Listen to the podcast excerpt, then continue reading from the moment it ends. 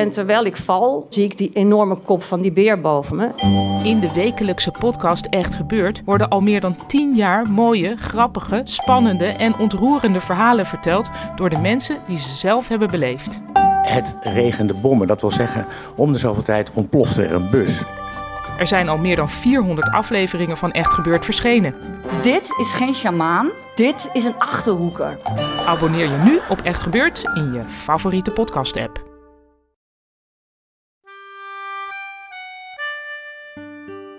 Dit is Man met de microfoon. Met iedere week echte en bijna echte verhalen. En mijn naam is Chris Baayema. Ja, dan zaten we daar met z'n zessen en het was zo'n gelukzalig gevoel.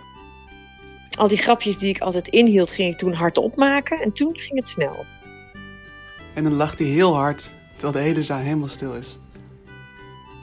Het fascinerende vond ik dat je op deze manier kon binnenstappen in een andere wereld. Een, een ongehoorde en ongeziene wereld. Ik ben nog aan, met, aan een appel bezig, maar wat wil je? Welkom bij aflevering 34 van Man met de microfoon. In de week dat we weer ja, voor een maand in een soort semi-lockdown zitten. Wat onder andere betekent dat heel veel theaters dicht moeten omdat ze nog maar te weinig mensen kunnen toelaten. En dat is niet rendabel. En dat uitgerekend in het seizoen dat ik gesponsord word door de Kleine Comedie. En daar was ik zo blij mee, want ik hou zoveel van theater. En ik mocht ook in mei 2021 een eigen avond verzorgen in het theater. Ik weet niet ja, of dat überhaupt nog doorgaat. En toen dacht ik, ja, zal ik deze aflevering dan besteden aan de maatregelen? En toen dacht ik, nee. Want ik zat te denken van, ja, weet je, ik, ik heb deze aflevering gewoon zo ingericht zodat we het vuurtje van het theater goed brandende houden. Want ik vind theater fijn en belangrijk. En daarom allereerst mijn moeder over een avondje theater in de jaren 50. Ik, ik weet nog uh, uh, dat papa en mama naar Snip en Snap gingen. En dan kwamen ze altijd met leuke verhalen terug. En ik weet niet meer wat de reden was. Maar papa had gezegd als.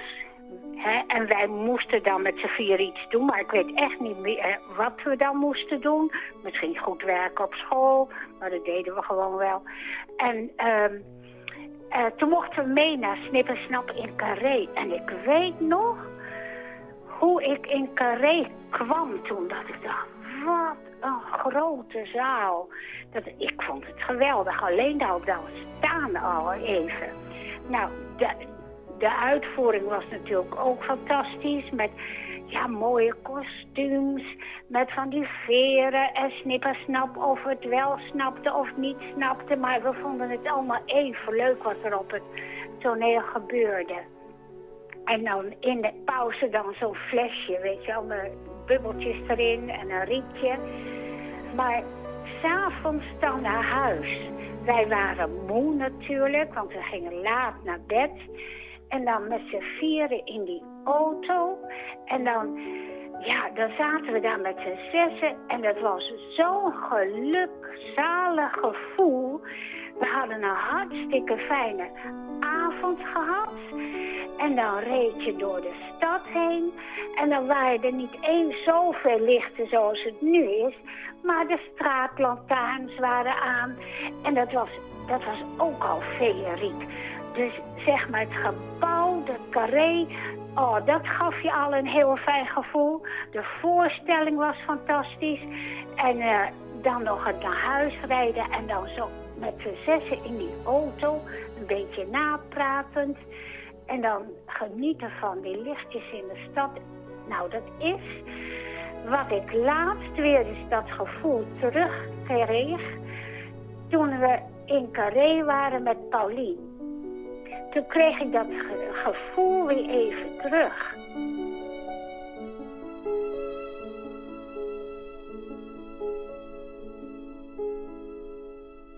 Afgelopen woensdag stond Claudia de Brij nog in Carré. En ik dacht, ik bel erop en ik, ik, ik vraag haar wanneer ze eigenlijk wist dat ze daar, ja, of waar dan ook, ergens in een theater op het podium wilde staan. Ja, had ik wel heel klein al, maar toen dacht ik, dat moet ik maar geheim houden of zo, dat ik dat denk. Want ehm, daarom, daarom dweep ik ook altijd een beetje met André Kuipers, omdat die zo mooi kan, kan verwoorden dat hij als klein jongetje science fiction strips las. En dacht, ik wil later ook de ruimte in. Maar het was natuurlijk net zo onwaarschijnlijk dat hij echt de ruimte inging als het voor mij was als introverte eenling in een dorp zonder aansluiting met de rest van de klas.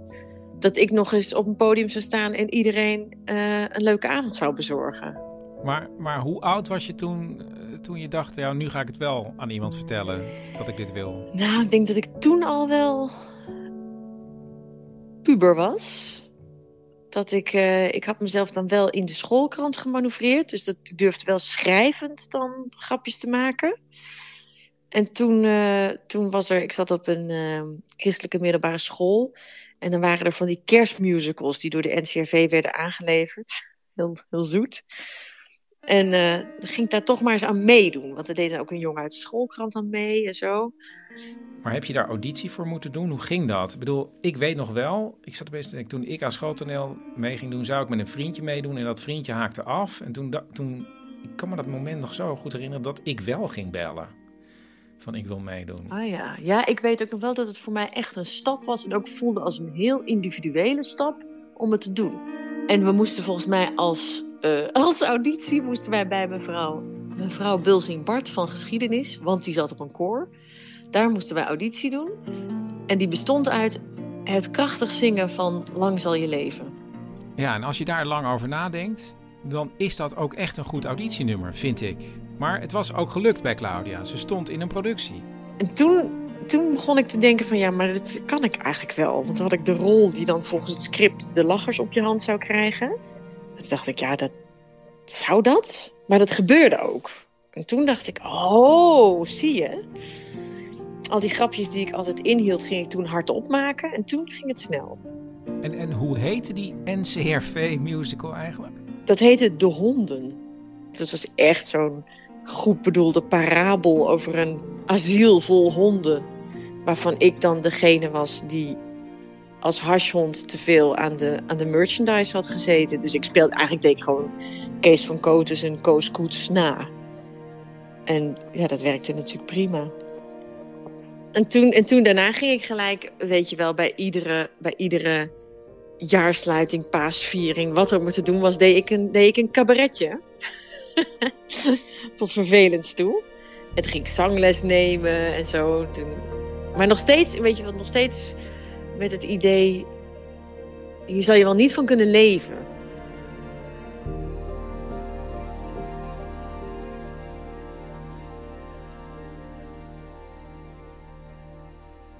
Chris, waarom reageer jij niet? Reageer ik niet? Nee, Chris. Ik heb een oproep gedaan via de Insta. Oh, via de Insta. Maar je, je, kan toch gewoon bellen? Ja, dan begreep je dus de hele opzet van de socials niet. Ik heb een filmpje gemaakt. Een filmpje? Voor mij? Ja. Ja, en voor al mijn volgers. Dus niet echt voor mij? Ja. Het zijn de socials, Chris. De socials, dat is iedereen. Ja, maar dat is precies wat ik erop tegen heb, Bert. En nou ja, probeer ik het ook een beetje... arm het nou eens een keer. Nou, goed. Wat wilde je zeggen? Ja, dat staat dus in dat filmpje en ik zit maar te refreshen. Ja, maar Bert, we zijn nu aan de telefoon. Zeg het maar. Zo werkt het dus niet. Het is een filmpje op de Insta. Anders had ik wel gebeld. Maar je belt nou toch? Ja, om te zeggen dat er een filmpje is waar je nog niet op gereageerd oh, hebt. Bert, waarom zo ingewikkeld? Ja, precies, Chris. Waarom zo ingewikkeld? Het is 2020. Be social by being on the socials. Oh. Kijk nou even naar dat filmpje en dan hoor ik het wel. Hè? Ja, hè? ik uh, ga nu ophangen. Ja, maar Bert. Bert? Hey, hallo volgers.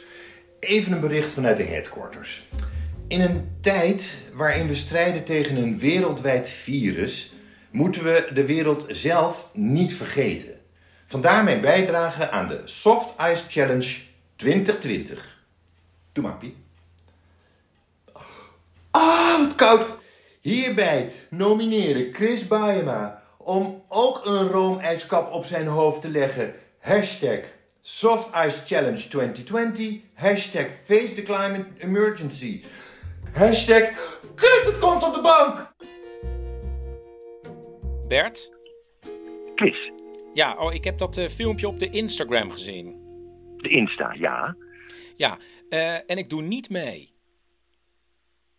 Dus ik doe niet mee aan die Soft Ice Challenge 2020.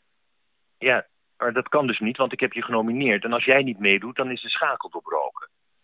Want dat lijkt me toch niet, Bert? Het gaat om de toekomst van de planeet, Chris. Nou, wat betreft de toekomst van de planeet, denk ik dat het er niet om gaat om mensen een eh, plak roomijs op hun hoofd te laten leggen, toch? Jij gaat mij niet zeggen dat mijn bank nu door jou voor niks onder de vetvlekken zit. Die redenering klopt niet helemaal, geloof ik. Ik doe dit ook voor jouw kinderen, hè? Oh, maar dan heb ik goed nieuws. Ja. Want de hashtag kut het komt op de bank, die is hier thuis trending. Dus dat is wel gelukt. Ik ga nu ophangen. Bert?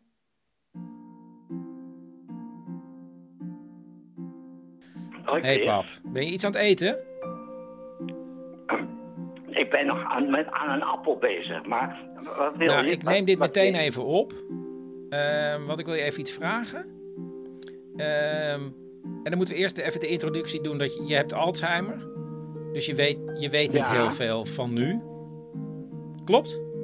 Maar wel, ik hoop wel iets, iets van vroeger. Ehm, want weet jij je allereerste theaterervaring als kind? Geen enkel idee, Chris. Niks. En, ehm, maar heeft dat te maken met dat je in een gereformeerd gezin opgegroeid bent? Ja, nou nee, je moet het, zo bekijken.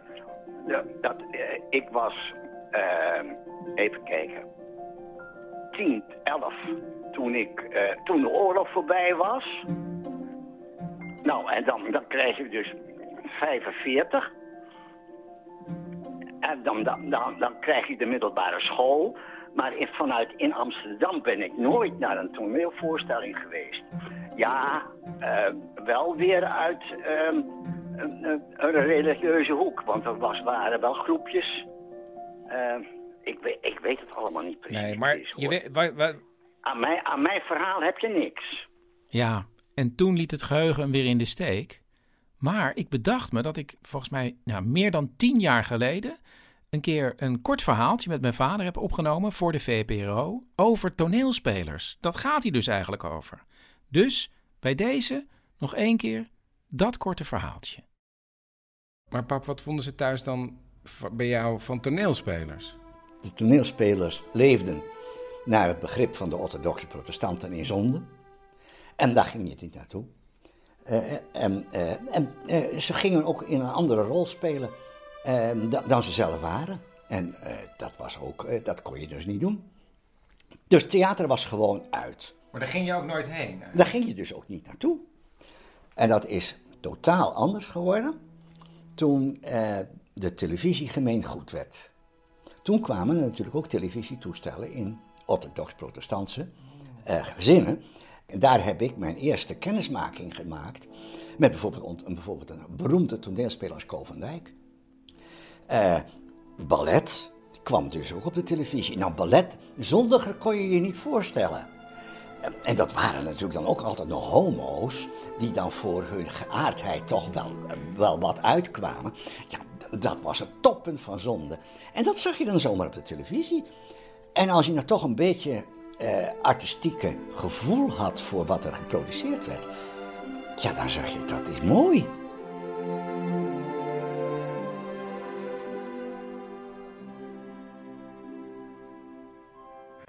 Teun, ik ging met mijn vader heel vaak naar het theater. Cabaretvoorstellingen. en ik moest altijd heel erg lachen om mijn vader. Omdat hij altijd, omdat hij altijd heel hard lachte op wat ik dacht foute momenten waren. Oh ja, ja dat heb, ja, dat heb jij ook.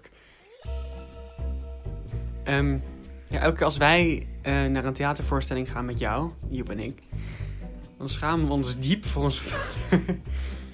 Die gewoon volop geniet van de, van de kleinste grapjes. Want volgens mij geniet je juist van die eh, subtiele dingen. Ehm, Ja, en dan ga je heel hard lachen. Dat is, eh, dat is wel leuk. En wat denk jij dan? Hè?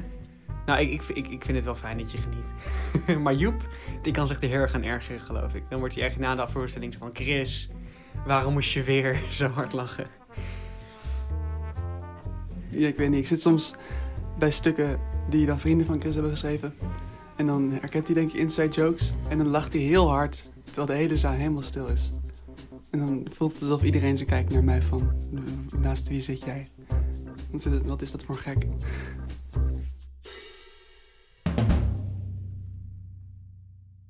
Hey Bas, met Chris van de man met de microfoon. Ja, hey Chris. Eh, ja, jij belt in verband met zondag. Ja, want ik zag het op Facebook langskomen en ik dacht, wow, Bas en Ja. Gerlof. Ja, ja, ja, laat ik allereerst zeggen, eh, het is heel snel gegaan. Het is heel snel gegaan. Maar goed, het is ook wat het is. En ehm, dat is ook heel mooi. Ja, maar ja, want hoe, ja, ik heb jullie dus niet meteen in het vizier als ik denk aan... Wij ook niet. Wij, wij, wij, nee, maar Chris, wij ook niet. Wij ook, Ook niet. niet. Het begon allemaal bij Gerlof. Is dat de man met de microfoon? Is dat Gerlof? Ja, Oh, geef Gerlof anders even. ja, doe ik. Halleluja met Gerlof. Eh, Ja, hey, eh, Gerlof, ja, wat een verhaal. Wat een verhaal indeed, Chris, maar wat mooi ook en fijn. Ja, maar kun je misschien zeggen, wat is er precies gebeurd? Nou, dat is nogal wat. Waar moet ik beginnen? Oh joh, ik, ik ben nu, ik ben, ja, het klinkt allemaal heel absurd misschien, maar goed, eh, het is wat het is. Ja, dat zei Bas ook al. En daar moeten we het maar mee doen. Ja, misschien is het toch voor de luisteraars even handig om, om het duidelijk te maken. Want ik ken jou en Bas tot voor kort nog als het duo achter Night Vision in Zutphen, de nachtclub. En jullie werden vorig jaar volgens mij nog door het Britse DJ-magazine uitgeroepen. Wij stonden op plaats 4 in de Hall of Europe, inderdaad. Ja, precies. Maar dat ligt nu achter ons. Want? Ik heb afgelopen donderdag, eh, want dan doe ik altijd boodschappen voor de hele week. Ja. En toen? Het was bij de bakjes humus. En ik wil niet zeggen dat ik hem echt face-to-face heb ontmoet met een gesprek of zo. Maar goed, daar was Jezus. Ik zag hem heel kort, want eh, toen was er een hele grote bak licht en zo. Bang, life-changing. Alles 180 graden op zijn kop. Ja, weg Night Vision. Onmiddellijk. Het roer is helemaal om, Chris. Want nu is er... New Vision. En dat is? Dat is een religie. Ja, dat las ik. Maar Gerlof, wat geloven jullie dan? Eh, wat, ge- wat geloven wij? Laat mij even, laat mij even. Laat mij even. Eh, wij geloven dat we er samen wel uitkomen. Samen kerk, samen sterk. Ja, en ik zag dat jullie dit weekend dus al een dienst hebben. Ja, nou, eh, gelukkig wel. Met heel veel mooie muziek, trouwens. Eh, en muziek verbindt, vinden wij. En allemaal volgens de coronaregels. Dus 30 mensen? Eh, eh, plus de vaste medewerkers. Ja, precies. En ik zag dat jullie nu al 231 vaste medewerkers hebben. Ja, ja we, we zijn de snelst groeiende kerk van Nederland, inderdaad. Ja, ja, ja. Maar 231 medewerkers? Ja, ja het, is, eh, het is krankzinnig. Ja, ik ben heel blij mee. Wacht, ik pak even... Wie zijn erbij. dat allemaal? Ja, nou, dat heb ik hier dus staan. Eh, we hebben een paus. Dat is nu even Gerlof. Eh, even kijken. 89 bisschoppen. eh 24 hulpbisschoppen. Nou ja, Sinterklaas natuurlijk. Eh, en dan even kijken. 100 roetveegpieten. Zo, ja. En ja, er zijn op dit moment ook nog wat vacatures. Eh, dus je kan nog hulpbisschop worden of eh roetveegpiet. Oh, en wat houdt dat dan precies in? Eh, ja, dat heb ik hier ook. Eh, een roetveegpiet betaalt 1250 euro per jaar en een hulpbisschop 2250 euro per jaar. Eh, maar dan, dan mag je wel onbeperkt meedoen aan het avondmaal. Oh, en je krijgt standaard 30% korting in de hosties en tosties. De hosties en tosties? Ja, dat is een cateringhoek die we gaan laten invullen door mensen met een beperking. En dan een beperking in de breedste zin van het woord.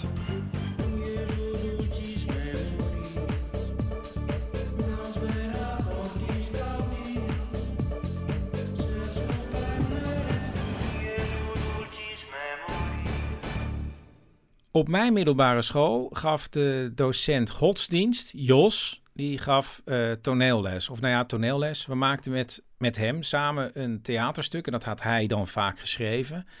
Bijvoorbeeld, uh, hij had de vuistdikke roman De Idioot van Dostoevsky bewerkt. Nou, we konden het allemaal helemaal niet volgen. Ik had geloof ik drie dubbelrollen. Maar het was geweldig.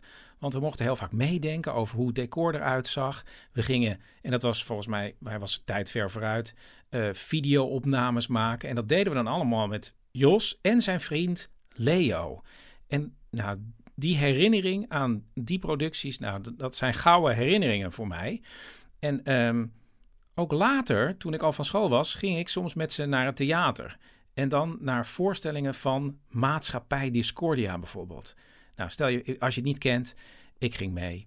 Uh, het, het stuk begint. Er komt een acteur op, gewoon met de tekst in zijn hand. En dan zie ik Jos en Leo elkaar aanstoten van... oh ja, daar is uh, onze bekende acteur die eigenlijk nooit de tekst uit zijn hoofd leert. Die, die leest dat altijd gewoon voor. En ik kan me ook nog een, uh, een productie herinneren... waarbij we als publiek in de pauze opeens naar het podium werden gedirigeerd... om daar met z'n allen aan lange tafels soep te gaan eten. En toen dacht ik, oh, dit is, dit is dus ook theater. En uh, ik heb altijd wel contact gehouden met Jos en Leo, maar de laatste jaren ja, uh, niet goed genoeg. Maar ik dacht, ik moet ze nu deze week even bellen. En ze zitten op dit moment in hun uh, huisje in Frankrijk. En ik had ze gevraagd of zij nou ook een, een, een productie uit hun jeugd kunnen herinneren. Die, uh, zal maar zeggen, het vuurtje van het theater bij hun heeft aangewakkerd. Dus ik heb ze allereerst uh, gemaild en daarna gebeld. Hé? Hey. Hallo, ja. met Chris. Dag Chris. Dit is Leo. Zit je bij? Hallo.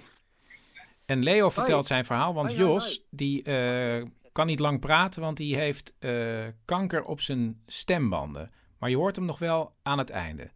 Maar dit is dus het verhaal van Leo. En het is op het moment dat hij 16 was en in Middelburg woonde. En hij was ik was uh, etaleur bij Vroom Dreesman. En ik denk dat het ook wel even handig is om te weten wat voor een achtergrond hij heeft. Leo? Oud gereformeerd, dat weet je toch. Oud gereformeerd, waar ze in het woord cultuur hadden ze nog nooit van gehoord. Dus ik had van huis uit niets meegekregen. Ik wist van niks. Trouwens, ik wist in die tijd niet eens hoe je een telefoon moest bedienen of een treinkaartje moest kopen. Dus ik was tamelijk ook tamelijk wereldvreemd. Maar toch komt hij in aanraking met een theatergroep. En hey, het is de jaren zestig. Ja, het, nou, alles moest experimenteel of psychedelisch zijn hè, in die tijd. Dat, uh, dat was het. En ik kwam dus via mensen, stagiaires van Vrome Dreesman, in contact met dit theatergroepje. Die bezig waren met het stuk Ubu Roi. En dat vond ik zo'n uh, opzienbarende belevenis. Want ik, ik was uitgenodigd eigenlijk om de belichting te doen. En dat kwam gewoon omdat er bij ons in, de, in een werkhok stonden oude lampen en schijnwerpers. En niemand dacht van, oh, dat kunnen we mooi gebruiken. Want het was natuurlijk no budget, hè. En toen vroegen ze meteen maar of ik er uh, ook dan de belichting zelf wilde verzorgen. Dus dat, uh, zo maakte ik alle repetities mee van, de, van die groep. En dat was een vrolijke, losgeslagen bende, moet ik zeggen. En dat was uh, zeer bevrijdend. Uh, zelfs in de koffiepauzes werd er gewoon doorgespeeld. En het was één, ja, één grote improvisatie. Je kent dat wel, hè? Iedereen improviseerde er een end op los. Dus iedereen deed ook maar met de tekst waar hij zin in had. En dan ging het stuk ook nog, Ubu, over een gemene, gewelddadige dictator. Uiteindelijk uh, zou dit stuk uitgevoerd worden uh, bij kennissen van uh, de docenten. Er waren twee tamelijk inspirerende docenten die de boel op stelte hadden gezet. En dat werd dan uiteindelijk opgevoerd in de tuin van een grote villa in Oost-Soeburg. En het publiek daar bestond voornamelijk uit plaatselijke notabelen uit het dorp en in de, uit de wijde omgeving. Dus het was tamelijk chic publiek. En dan het stuk over deze, deze verschrikkelijke man, deze verschrikkelijke Ubu. En het was ook dus experimenteel theater. Dus het publiek deed ook mee. Hoewel, deed mee. Eh, ze ontdeden het publiek van eh, handtassen, portefeuilles, parelkettingen en horloges. En dat kwam allemaal op een hele grote hoop midden op het veld te liggen. Op grasveld speelt zich dit af. Het publiek werd behoorlijk eh, gewelddadig bejegend, moet ik zeggen. Maar goed, het goede nieuws was, het stuk was natuurlijk op een gegeven moment ook wel klaar. Toen dit stuk was afgelopen, was er daarna in de tuin een uh, gezellige borrel met nootjes en zo. En een van de acteurs vroeg aan een mevrouw met parelketting of ze het leuk had gevonden. Oh ja, oh, ze had het uh, ontzettend leuk gevonden en enig was het. Zei hij, maar heb je er ook iets van begrepen? Ja, natuurlijk had ze het wel begrepen. Ja hoor. Ja, ja. Toen zegt hij, uh, nou, wij nog steeds niet hoor.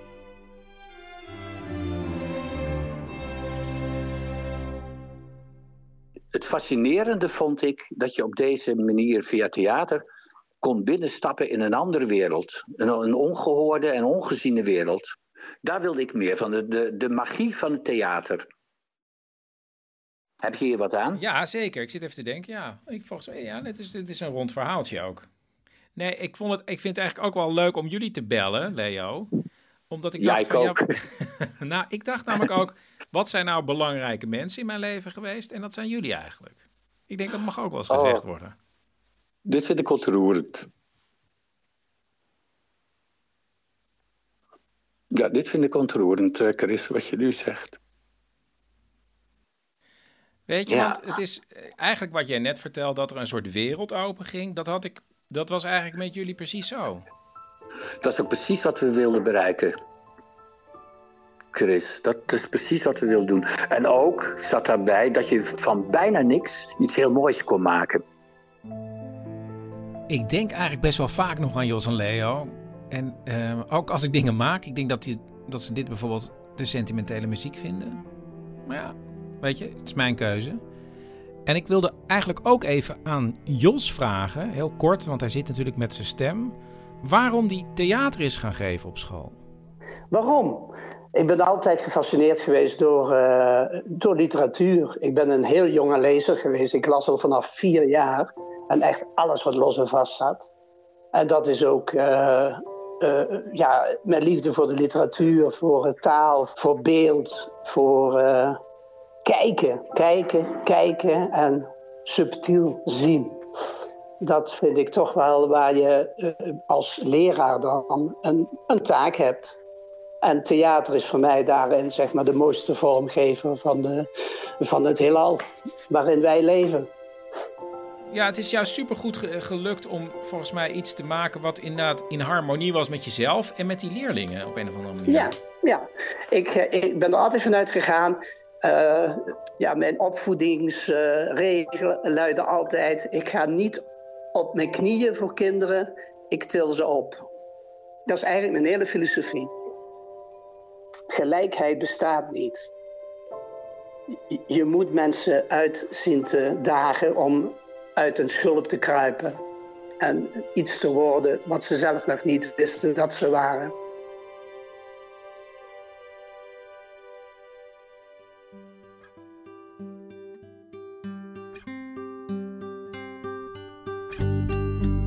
Dit was aflevering 34 van Man met de microfoon. Meegespeeld hebben Bert Kommerij, Daniel Cornelissen en Tom van Kalmthout. Ja, Man met de microfoon wordt mede mogelijk gemaakt door Theater De Kleine Comedie in Amsterdam. Waarin ja, vanzelf alweer gespeeld gaat worden en hopelijk heel snel. Ehm, reacties kunnen naar manmetdemicrofoon.gmail.com. Laat ook sterretjes achter natuurlijk in de iTunes Store. Dat waren de huishoudelijke mededelingen. Blijf ook luisteren, want er komt nog zometeen iets na. En tot volgende week. Maar het was echt aangeleverd door de NCRV? Ja, die maakte toen, ik, ik weet niet of ze dat nog doen, ik denk het eigenlijk niet. Denk niet. Oh, sorry. Die, die maakte toen, eh, eh, eh, die leverde van die, van die kant-en-klare musicals aan. Zo, NCRV is ook een soort leidmotief in mijn leven. Ik was verliefd op een meisje op de lagere school. En haar vader was vertegenwoordiger, maar onder andere ook vrijwillig vertegenwoordiger van de NCRV. En die stond dan op de jaarmarkt in het dorp met een stand. En ik, ik, ik heb een hele ochtend heen en weer gelopen. om iets daar dan maar te kopen natuurlijk, om mijn goede wil Ja. te tonen. En toen heb ik uiteindelijk Ja. een zilveren speldje van de NCRV gekocht. Toen hadden ze zo'n soort klaverbladachtig. dat, ja, oranje. dat oranje. Ja, Ja. fantastisch. En Dat heb ik. Ted de Braak met die grote duim van ook NCRV. Ja. Nou ja, en dat speldje moet nog ergens thuis bij mijn ouders liggen. Geweldig. Ja. Dat je dat hebt gekocht. Ja. Nou ja, zo zie je maar weer, de NCRV doet veel dingen. Uiteindelijk Ja. heeft veel betekend voor de mensen. Ja, dat wordt vergeten. Ah, ook NCRV. Ook NCRV.